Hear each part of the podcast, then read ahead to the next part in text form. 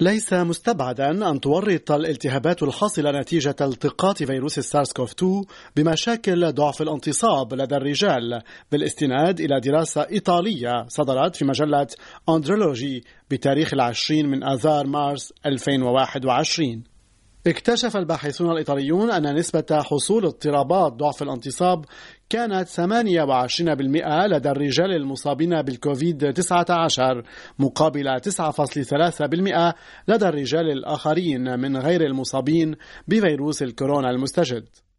معي في مقابلة اليوم الدكتور ريان عتمي الاختصاصي في جراحة الكلى والمسالك البولية والجراحة الروبوتية في المستشفى الجامعي في مدينتي نيس وكان الفرنسيتين دكتور ريان عتمي لماذا اضطرابات ضعف الانتصاب تكون منتشرة أكثر في صفوف الرجال الذين التقطوا مرض الكوفيد 19 مما تكون منتشرة عند الآخرين الأصحاء؟ 10% من الرجال ما تحت الخمسين سنة يعانون من ضعف الانتصاب و20% من الرجال ما فوق الستين أيضا يعانون من ضعف الانتصاب.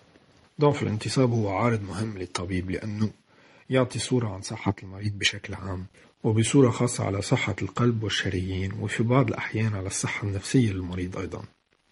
كوفيد 19 هو مرض يصيب شرايين الجسم ويسبب جلطات صغيرة في الشرايين. عند المرضى الذين يعانون من أمراض القلب والشرايين نسبة الإصابة بشكل خطير من الكوفيد 19 هي نسبة عالية.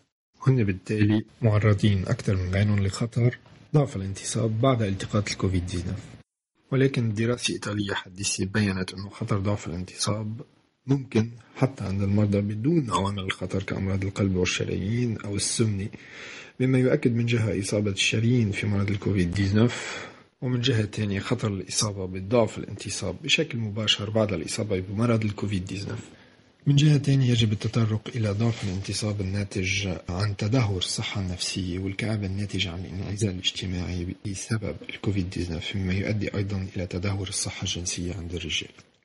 دكتور ريان عتمي هل تتوفر حلول تلطيفية للعجز الجنسي الذكوري بعد الشفاء من مرض الكوفيد 19 وما هي؟ العلاجات المتوفرة اليوم هي كثيرة. من جهة تحسين الصحة النفسية للمرضى خصوصا لتفادي الانعزال ومن جهة ثانية تحسين صحة الشرايين في العضو الذكري. لذلك في حال عدم وجود أي حائل دون استعماله وبعد استشارة الطبيب ممكن وصف علاجات مثل السيلديلافيل أو ما يعرف بالفياجرا عامة لتحسين صحة الشرايين.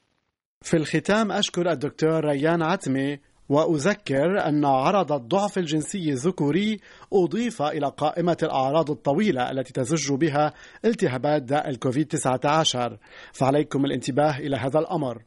كما وعليكم الانتباه إلى أعراض أخرى وهي السعال والحرارة والتعب. وأوجاع الرأس والضبابية العقلية وازرقاق أصابع القدمين وقضمات الصقيع وفقدان حاسة الشم أو الشعور بالروائح الخيالية الشبحية. فمتى شعرتم بجزء كبير من هذه الأعراض؟ ينبغي الإسراع في إجراء فحص ال PCR